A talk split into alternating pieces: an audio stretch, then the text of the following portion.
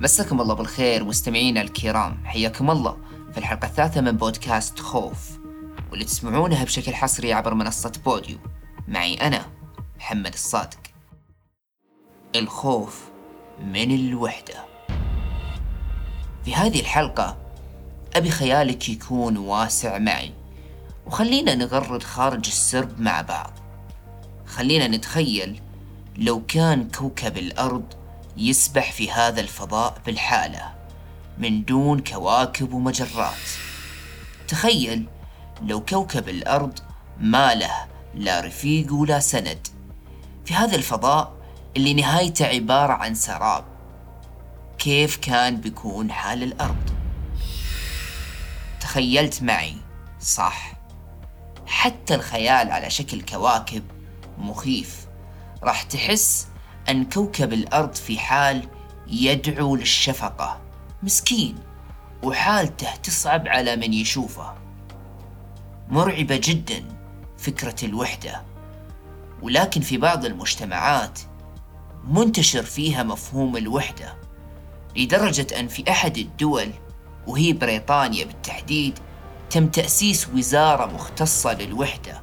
وتراني أتكلم معاكم جد ما أمزح. هذه الوزارة معنية بمتابعة الحالات النفسية اللي تسببها الوحدة. على العموم الاعتقاد الشائع أن كبار السن هم أكثر من يشعرون بالوحدة بسبب البقاء لوحدهم في دور الرعاية أو المنازل وما إلى ذلك. لكن الصدمة هو أن الفئة الأكثر شعور بالوحدة في المجتمعات هي فئة الشباب. إي نعم فئة الشباب. السبب الأول لهذا الأمر باختصار هو ال social media. فالشباب اليوم صاروا دائما في عزلة بسبب الهواتف اللي يقضون فيها أوقات طويلة لساعات وساعات دون ما يحسون على نفسهم. لكن يمكن يكون السبب أعمق من ذلك بكثير. بصدمك بمعلومة الآن. تخيل أن التواجد في المدن الحديثة سبب في تمكن الوحدة من الأشخاص. وعلى العكس تماما. في المجتمعات الزراعية أو الريفية نسبة أنك تشوف شخص بالحالة هي قليلة كثير. بالتالي هناك الجميع مع بعضهم البعض.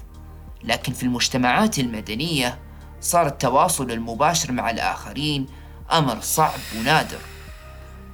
أما عن الوحدة وتأثيرها على الفرد الوحدة هي أشد أنواع الألم النفسي. هي اللي تسبب القلق والاكتئاب والانتحار وغيرها من الحالات. ولكن المفاجأة أن للوحدة تأثير على المستوى الجسدي وبشكل ملموس وحتى الخوف من الوحدة. لك أن تتخيل أنها تؤثر على الجهاز المناعي كما أنها تملك علاقة وطيدة مع أمراض ضغط الدم والأزمات القلبية وغيرها لأنها تأثر على السلوك البشري. واللي يمكن بسببها أن يوقع الإنسان في الأفعال السلبية واللي يمكن على أثرها يدخل إلى السجن الانفرادي ويخضع إلى العقوبات النظامية وغيرها. هنا يجب أننا ننوه أن البقاء وحيدا باختيارك يختلف تماما وبشكل كبير عن البقاء بشكل جبري مثل حالات الرفض الاجتماعي.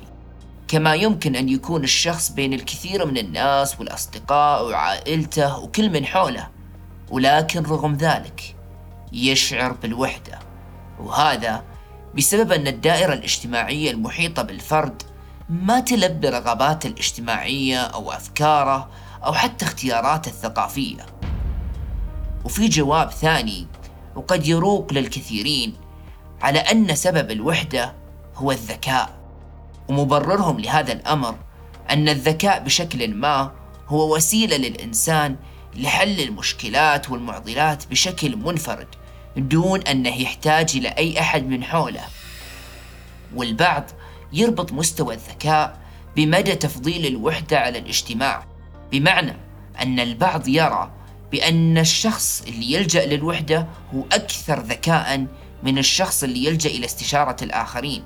لكن بصراحة هذا الأمر ليس دقيق تماما وما هو بالضرورة أبدا أنه يكون صحيح. الإنسان بشكل ما يحتاج غريزيا إلى الانتماء يحتاج أنه ينتمي إلى مجتمع أو مجموعة ما إن كان أصدقائه أو أهله أو أي أحد حوله. الأمر هذا يؤثر على موضوع الوحدة ويبعد الإنسان عن الأمراض النفسية والاكتئاب والمراحل الخطيرة. بالطبع يحتاج الإنسان أنه يبقى وحيدا في بعض الأحيان ولكنها بنفس الوقت يحتاج للبقاء ضمن مجتمع ما لتغذية الشعور بالانتماء. كنت معكم أنا محمد الصادق من بودكاست خوف على منصة بوديو. نلتقي بكم في حلقة قادمة. في أمان الله.